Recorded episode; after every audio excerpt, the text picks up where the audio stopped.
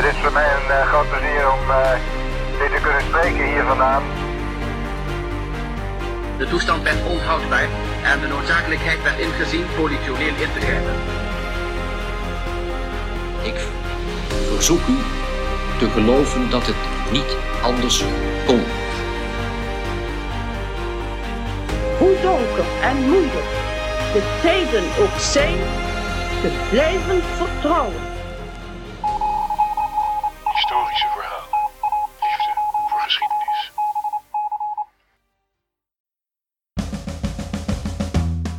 Welkom bij Historische Verhalen, de podcast. Deze keer lees ik het verhaal Toen de klok luidde van Emily Visser.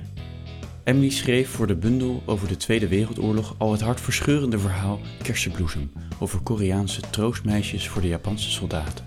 Haar nieuwe verhaal, Toen de klok luidde, speelde zich af aan het eind van de 8e eeuw in Engeland en Duitsland. Een kroniekschrijver aan het hof van Karel de Grote probeert een jonge monnik de details te ontfutselen van wat er met hem gebeurd is op het Engelse eiland Lindisfarne. Hoe is hij ontsnapt? En hoe gruwelijk vreed was de vijand? Toen de klok luidde is een verhaal over een bruut verstoorde idylle, lucratieve bloeddorst en de macht van de pen. Luister mee.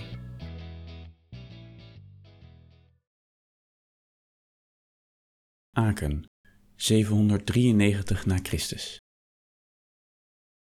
Alcuinus leunt achterover, legt zijn ganzen weer neer en vouwt zijn handen in zijn schoot. Weet je het zeker? Hij kijkt vragend naar de magere jonge man voor hem. De blauwe ogen kijken hem niet aan, maar lijken mijlenver weg. Het stroblonde haar ligt in oneven pieken tegen zijn schedel aan. Waar hij ooit een ton zuur had, is het nu ongelijk aangegroeid. De jongen antwoordt niet en blijft voor zich uitstaren. Alcuinus overdenkt de situatie nog een keer. Het is niet de eerste keer dat de koning hem heeft opgedragen een kroniek te schrijven. Maar deze vreemde jongen blijft maar zwijgen. Elke dag komen er nieuwe geruchten bij, nieuwe fluisteringen over wat er is gebeurd. Zelfs de koning wil het verhaal horen. Alcuinus is zich bewust van de machtige positie die hij hier heeft vergaard. Wat zijn koningen immers zonder hun kroniekschrijvers? Alles wat nog over is nadat wij tot stof zijn vergaan, zijn onze verhalen.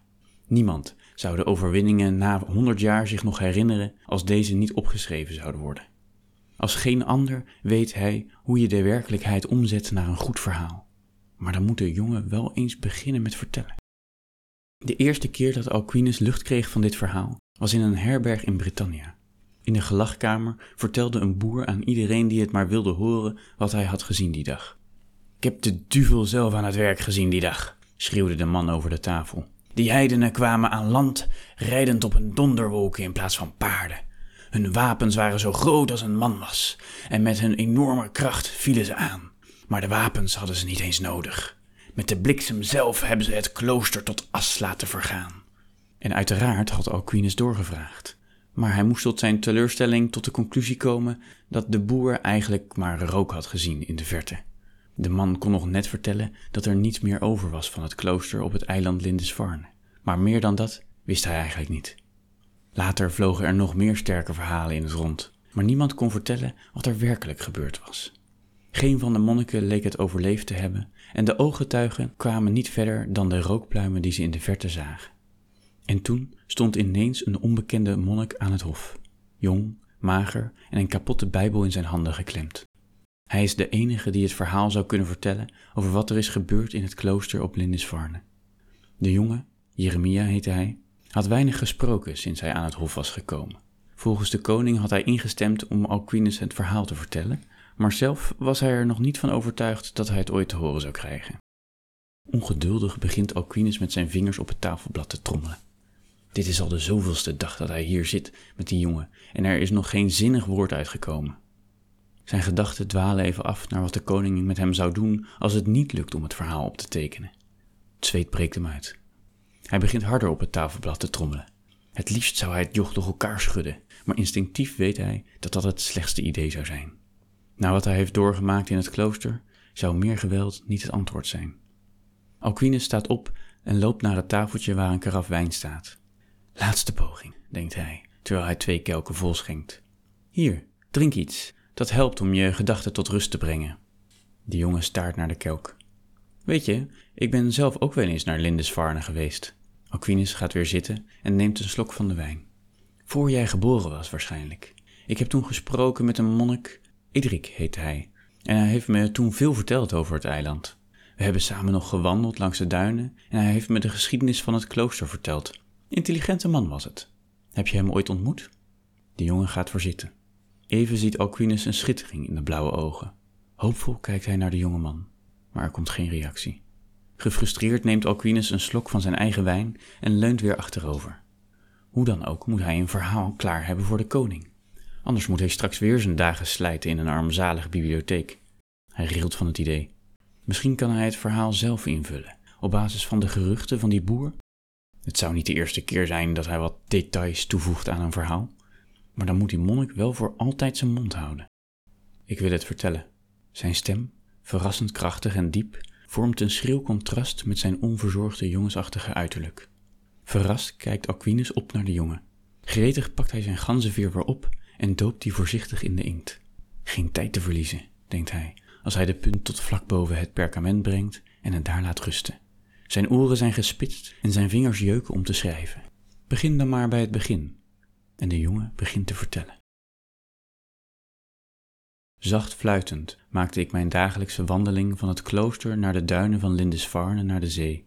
Ik genoot van de frisse wind, dat hielp me om mijn hoofd leeg te maken. Hoog zwevend boven me schetterden de meeuwen door elkaar. Ik onderdrukte een glimlach toen ze rond me bleven cirkelen, ongetwijfeld hopend dat ze een stuk oud brood of rot fruit konden bemachtigen. Sorry jongens, mompelde ik, niet vandaag. Op zulke mooie dagen telde ik mijn zegeningen. Ik voelde Gods liefde toen het zingen van het duingras me tegemoet kwam. Een klein vogeltje sprong op uit het duingras en vrolijk kwetterend vloog het weg. Ik keek het dier na, dat bijna springend door de lucht ging. Mijn moeder liet me altijd zien dat God zelfs in de kleinste dingen te vinden was, als je maar goed genoeg zocht. Onthoud het, Hij is altijd bij je, zei ze vaak. Overal waar je de schoonheid ziet en liefde voelt, zal je Hem vinden. Moeder was altijd een uiterst vrome vrouw geweest, heel anders dan mijn vader. Als boer was hij verantwoordelijk voor een goede oogst, zei hij altijd. Vader was een harde man, maar ik had altijd meer op mijn moeder geleken. Ik was nog altijd dankbaar dat ik op 16-jarige leeftijd de boerderij had verlaten om mijn geluk te zoeken in dienst van de Heer. En dit geluk had ik gevonden op het eiland Lindisfarne. Hier heb ik het voorrecht gehad om te leren lezen, maar daar was het niet bij gebleven. Ik wilde de liefde van God doorgeven, zoals mijn moeder dit voor mij ook had gedaan. Vader Edrik, die inmiddels prior was geworden van het klooster, had me verhalen verteld over het vasteland, waar andere volken hetzelfde geloof beleiden. Hoe meer hij me vertelde over andere landen met hun hoge bergen en hete zomers, hoe meer ik verlangde om ze met eigen ogen te zien. En nu had vader Edrik aan me beloofd dat ik mee mocht naar deze landen. Hij zelf had besloten zijn functie als prior neer te leggen om de rest van zijn leven als missionaris te besteden. En daarvoor had hij een assistent nodig. We zouden volgende maand vertrekken, per boot naar het Frankische land aan de overkant van de zee. Ik was zielsgelukkig met het vooruitzicht en dankbaar voor de kans die vader Edrik mij bood. Ik beloofde dat ik hem op een dag zou terugbetalen voor zijn goedheid jegens mij. Fluitend liep ik terug in de richting van het klooster. De meeuwen schalden nog wat na, maar uiteindelijk ging hun geluid verloren in de wind. Ik kwam makkelijk binnen, want ik wrong me door het stuk verrotte hout aan de achterkant van de hooischuur. Het was een kortere weg. De ingang van het klooster lag aan de andere kant van de omheining. Ik had verteld dat het er zat, maar zo te zien was er nog niets mee gedaan. De broeders hadden wel meer aan hun hoofd. De binnenplaats was, zoals altijd, de drukste plek in het klooster. Terwijl ik de plaats overstak, liep broeder Gareth bijna tegen me aan, zijn zicht beperkt door de volle mand appels die hij droeg. Ik raapte een appel op die gevallen was en lachte. Terwijl ik verder de binnenplaats overstak, maakte ik de vergelijking met een bijenkorf. De broeders liepen heen en weer met rollen perkament, groenten en balen stro. Kippen schoten voor mijn voeten weg en de geiten mekkerden terwijl ze herkauwden aan hooibalen en aan de zoom van de habijt van een onoplettende monnik die opging in een boek. Ik bedacht me dat ik deze drukte nog zou gaan missen als ik de zee over zou varen. Ik voelde een hand op mijn schouder en draaide me om. De vriendelijke bruine ogen van vader Edrik, omringd met lachrimpels, keken me aan. Ben je al afscheid aan het nemen? vroeg hij, terwijl hij gebaarde naar de binnenplaats. Dat niet, antwoordde ik, maar ik was me aan het bedenken dat ons klooster wel iets weg heeft van een bijenkorf. Ah ja, de oude monnik wreef nadenkend over zijn kin. Daar heb je gelijk in. We rennen heen en weer, maar komen altijd weer terug naar de korf. En bedenk, jij en ik zullen binnenkort de korf verlaten, maar we nemen de zoete honing met ons mee. Het woord van God zal nog meer mensen bereiken. Ik verheug me op onze reis, vader, zei ik, en ik voelde de spanning onder mijn huid weer tintelen. Kom vanmiddag anders na de mis even langs bij mij. Dan kan ik je nog wat werken laten zien over het vasteland. Vader Edrik glimlachte naar me. We moeten tenslotte zorgen dat je voorbereid bent op je reis. Graag, vader. In hemelsnaam, wat bazel je nou over geiten en bijenkorven? Alquinus houdt de ganzenveer zo stevig tussen zijn vingers geklemd dat hij zeker weet dat die straks gaat breken. Met zijn andere hand trommelt hij op het tafelblad. Hij probeert weer uit alle macht de neiging te onderdrukken om de jongen door elkaar te schudden. Jeremia is gestopt met praten. Zijn blik is strak gericht op zijn lange vingers op de houten stoelleuning. Alquinus zucht diep en legt de ganzenveer weer neer. Die jongen is getikt, hij weet het zeker. Het leven in een klooster is overal praktisch hetzelfde, dus waarom begint hij daarmee? Deze monnik gaat zijn ondergang worden. Waar is het drama, de ellende? Daar zit hij hier toch voor? Had dat joch geen verschrikkelijke dingen meegemaakt? Duivels, rijdend op donderwolken, hadden hem toch overvallen? Je moet je beheersen, vermaant hij zichzelf, terwijl hij nog een slok uit zijn kelk neemt. Langzaam staat hij op, haalt diep adem en loopt naar de tafel om zichzelf nogmaals in te schenken. Hij kijkt over zijn schouder en ziet dat Jeremia zijn wijn amper heeft aangeraakt.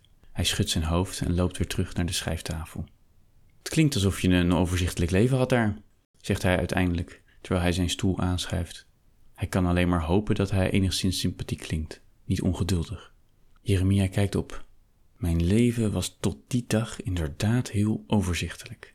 Hij spuugt de woorden uit alsof het zuur geworden wijn is. Wat gebeurde er dan? Alquinus gebruikt de opening en pakt zijn ganzen weer wel op. Jeremia neemt een slok wijn. Ze hebben mijn huis vernield en vader Edrik vermoord. De vrijwillige middagmis was altijd een moment van bezinning voor me. We zaten met gevouwen handen en gebogen hoofden geknield op de banken in de kapel. De stilte was bijna voelbaar. Ik hield van deze mis. Mijn ochtendwandeling begon mijn dag en de mis brak mijn dag. Zelfs met mijn ogen dicht kon ik uittekenen hoe mijn broeders in dezelfde positie met soortgelijke gebeden bezig waren. Zelf voegde ik wat extra's toe aan mijn standaard gebed. Of de Heere me kon beschermen als ik mijn reis begon om zijn boodschap verder te brengen.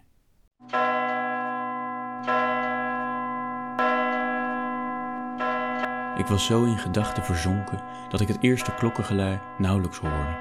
Maar de bellen bleven luiden, heel hard en snel achter elkaar. Het verscheurde de stilte.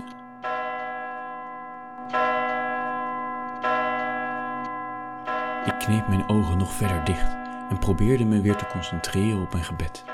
De bel luidde onverbiddelijk door, harder en sneller elke keer weer. Het was alsof iemand uit alle macht aan het luiden was. Opstaan werd niet gedoogd tijdens het gebed, maar iets aan dit gebeier maakte dat al mijn nekharen overeind gingen staan. Onzeker keek ik op en ik zag dat ik niet de enige was. Zeker een half dozijn monniken keken verward om zich heen. Mijn blik kruiste die van broeder Gareth en ik zag dezelfde verwarring en paniek die ik voelde.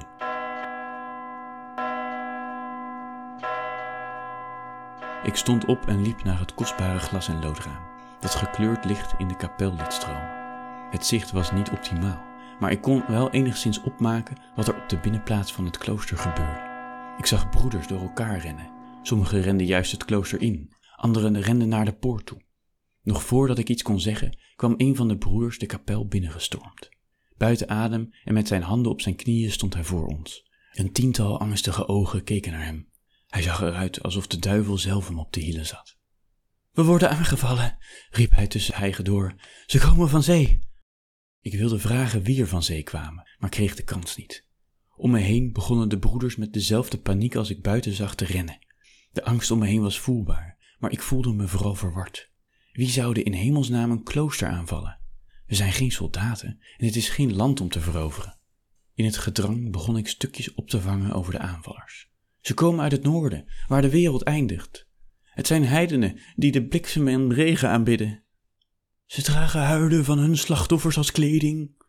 Ik had niet eens de tijd om al die informatie te verwerken.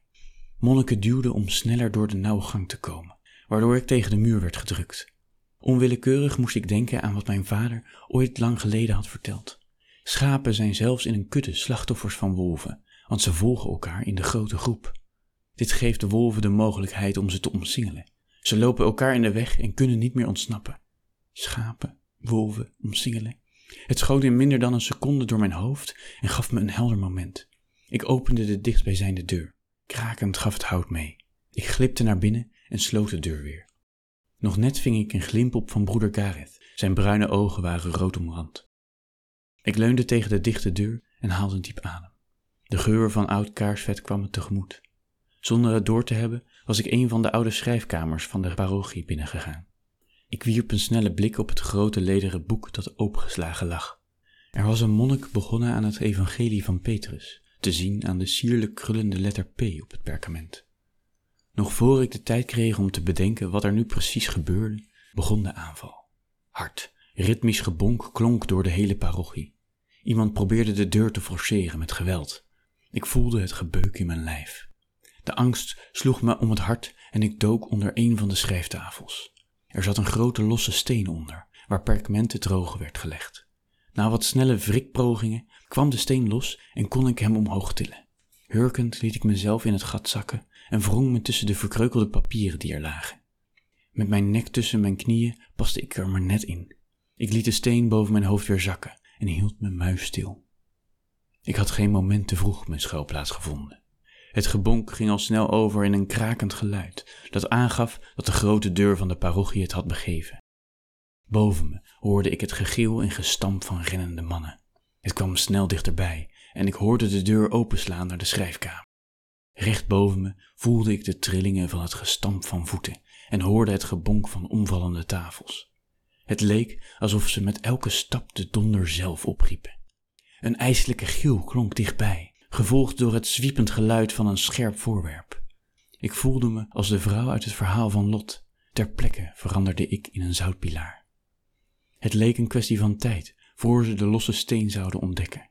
Ik kon niets doen, anders dan me zo stil mogelijk houden. Ze stonden recht boven me. Ik kon ze ruiken. Ik kneep mijn ogen dicht en durfde niet te ademen, bang dat elk geluidje me zou verraden. Intussen vielen meer en meer tafels om en het schreeuwen in een vreemde taal werd luider. Af en toe klonk een bulderende lach, diep en achterloos. Ik weet niet hoe lang ik daar nog gehurkt onder de grond heb gezeten. Het kan uren geduurd hebben, maar ook gerust enkele momenten. Het belangrijkste was dat ze me niet hadden gevonden. Maar wat nu? Blijven zitten? Er zo snel mogelijk uitklimmen? Wat was wijsheid? Mijn hart bonkte zo hard dat ik zeker was dat het hoorbaar was boven de vloer. Mijn benen waren al een tijdje gestopt met trillen, maar mijn lijf was verstijfd van angst. Zelfs als ik had geweten of het wijs was om mijn schuilplek te verlaten, had ik dat niet gekund. Ik was niet tot iets anders in staat dan bidden, tot God mij de kracht gaf om weer te bewegen. Uiteindelijk stierven de geluiden weg, maar ik had geen tijd om opgelucht te zijn, want de geur van verbrand hout drong door in mijn neusgaten. Voorzichtig probeerde ik de steen omhoog te duwen, maar ik kreeg er nauwelijks beweging in. Ik zette meer kracht en het lukte om hem zo ver open te duwen dat er een kier ontstond. Met samengeknepen ogen tuurde ik door de kier, biddend dat er niemand meer was. Zover ik kon zien was de kamer verlaten.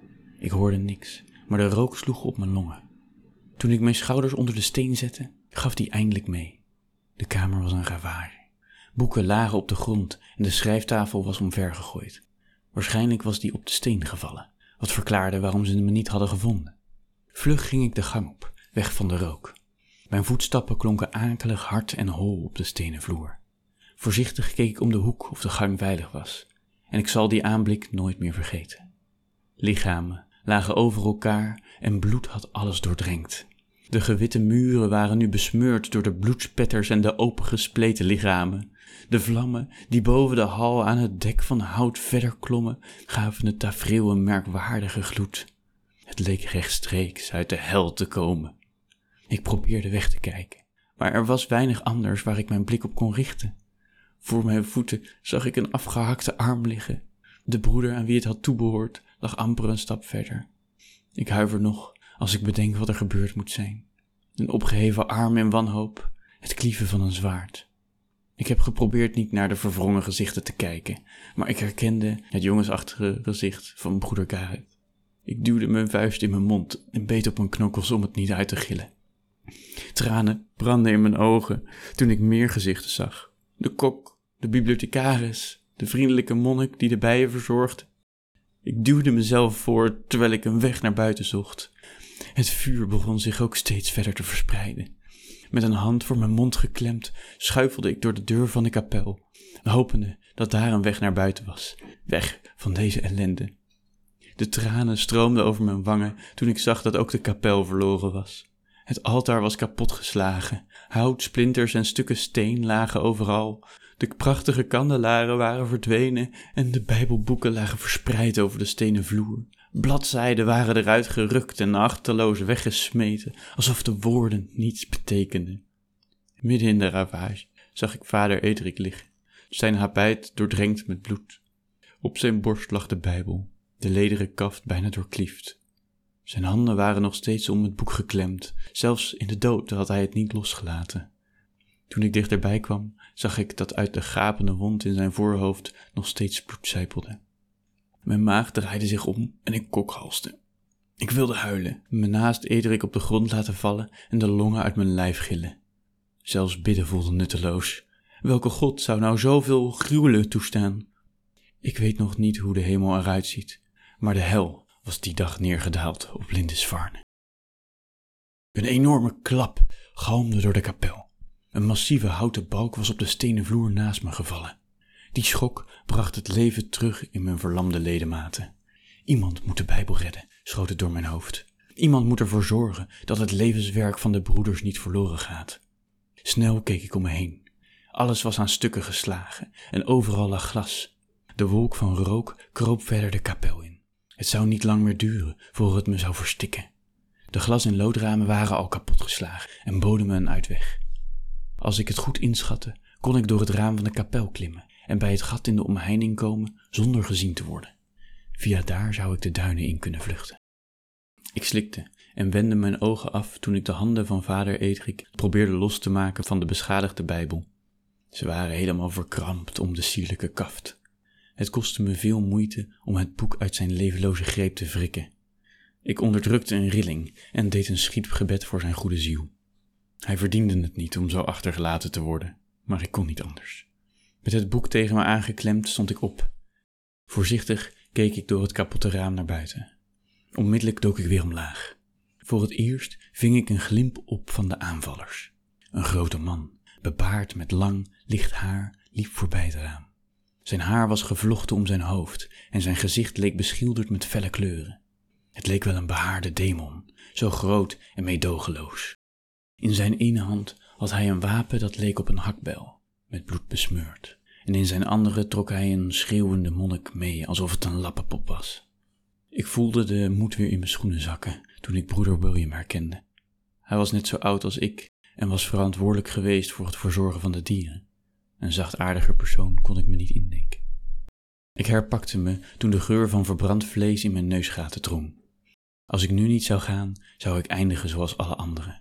Met de Bijbel onder mijn linkerarm geklemd, sprong ik door het kapotte raam. Mijn habit bleef haken achter een stuk scherp glas, maar gelukkig scheurde het mee. Ik landde op de grond en wachtte een paar seconden of de demonen terugkwamen. Het bleef stil. Ik snelde naar de hooischuur en drong me door het gat in de omheining. Ik rende zo snel als ik kon.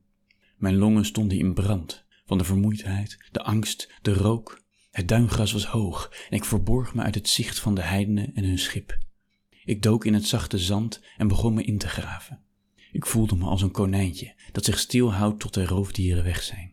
Liggend op mijn rug, met de Bijbel tegen mijn borst geklemd, sloot ik mijn ogen en begon weer te bidden. En nog eens. En weer. Na wat voelde als een eeuwigheid, duwde ik mezelf omhoog op mijn ellebogen en tuurde ik voorzichtig door het tuingras. Een dikke, zwarte rook kwam uit het klooster en klom hoger en hoger naar de blauwe hemel. Van een afstand zag ik enkele van mijn broeders vastgebonden met touwen naar het schip strompelen. Hun ruggen waren gebogen en ze sleepten zichzelf vooruit. Zelfs vanaf deze afstand kon ik zien dat velen van hen huilden. Ik sloeg een kruis, terwijl ik de tranen over mijn wangen liet glijden. Wat zou er met hen gebeuren? Nu zag ik ook de aanvallers bij elkaar.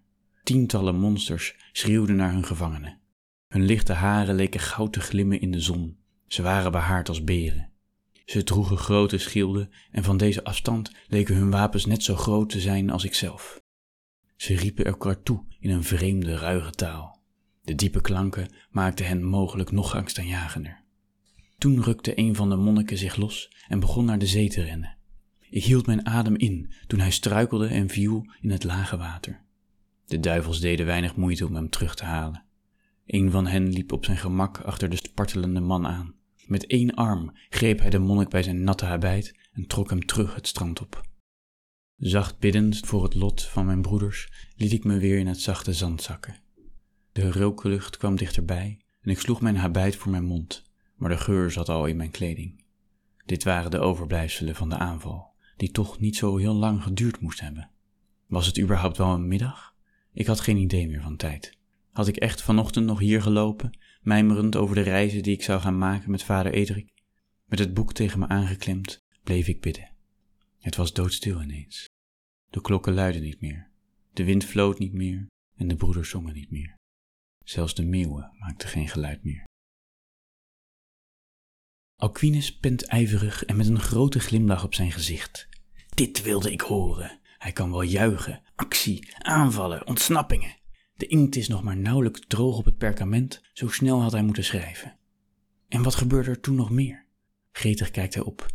Volgde de donder en bliksem na de aanval? Werd er een monnik gevild en zijn huid gedragen als kleding? Alquinus ziet de voordracht al helemaal voor zich. Als de koning zo'n verhaal hoort, is zijn positie voor het leven vastgesteld. Maar Alquinus ziet dat Jeremia's blik mijlen ver weg is en dat zijn handen tot vuisten gebald zijn. Na enkele seconden begrijpt hij dat de jonge monnik klaar is met zijn verhaal. Met een zucht kijkt hij naar de stapel perkament voor hem. Tijdens het schrijven had hij nauwelijks tijd gehad om na te denken, dus leest hij vluchtig terug wat hij heeft opgeschreven. Als hij hier en daar wat bovennatuurlijke effecten toevoegt, die donderwolken en bliksem van de boer klonken goed, zal dat het verhaal nog spectaculairder maken. Tevreden kijkt hij naar Jeremia, maar dan ziet hij dat er een traan over zijn wangen rolt. Langzaam voelt Alquinus zijn wangen warm worden van schaamte. Hij was zo nieuwsgierig geweest naar dit verhaal vol monsters en demonen, dat hij er geen moment bij heeft stilgestaan wat het met die arme jongen heeft gedaan. Zijn broeders vermoord, zijn thuis afgebrand, gevlucht met het laatste wat zijn vaderfiguur had willen redden. Geen wonder dat hij zo stil was. Dit is te veel voor één mensenleven. Je hebt een hoop meegemaakt, zegt Alquinus tenslotte, terwijl hij zand strooit over het geschreven stuk voor hem. Jeremia staat op zonder iets te zeggen en loopt naar de schrijftafel toe. Hij buigt over het perkament en Alquinus ziet zijn ogen over de regels vliegen. Bedankt dat je dit hebt willen vertellen, zegt Alquinus. Dit moet niet makkelijk zijn geweest voor je. Jeremia veegt zijn betraande gezicht af met zijn mouw. Wat wil je nu gaan doen? vraagt Alquinus voorzichtig. Ik wil wraak, zegt Jeremia, en hij balt woedend zijn vuisten. Ik wil dat ze boeten voor wat ze hebben gedaan. Misschien ga ik bij het leger om te vechten tegen ze. Alquinus kijkt vertwijfeld naar de frele jongen. Hij houdt het nog geen minuut vol tegen die barbaren, denkt hij ernstig. Wil je echt vechten? Je zegt zelf dat die duivels haast onmenselijk waren. Wat bereik je als je zelf ook aan je einde komt met een hakbel in je borst? Hij ziet dat Jeremia een rilling onderdrukt. Je bent duidelijk geen vechter. Maar, gaat Alquinus verder, terwijl hij met zijn wijsvinger op het perkament tikt, je bent wel een geboren verteller. Wil je niet verder reizen, maar dan om dit verhaal te vertellen aan de hoven van graven en koningen, om anderen te waarschuwen voor deze barbaren? Geweld is niets voor mensen zoals jij en ik. Wij zijn geen vechtjassen, maar wij raken mensen met onze verhalen. Ja, Jeremia kijkt hem recht aan, zijn ogen helder. Ik wil dat iedereen weet wat mijn broeders is aangedaan. Dan zorgen we dat de wereld hoort van deze laffe daad, zegt Alquinus vastbesloten, terwijl hij zijn ganzen weer pakt. En ik weet precies hoe we dat kunnen doen. Klaar om het verhaal nog wat aan te dikken?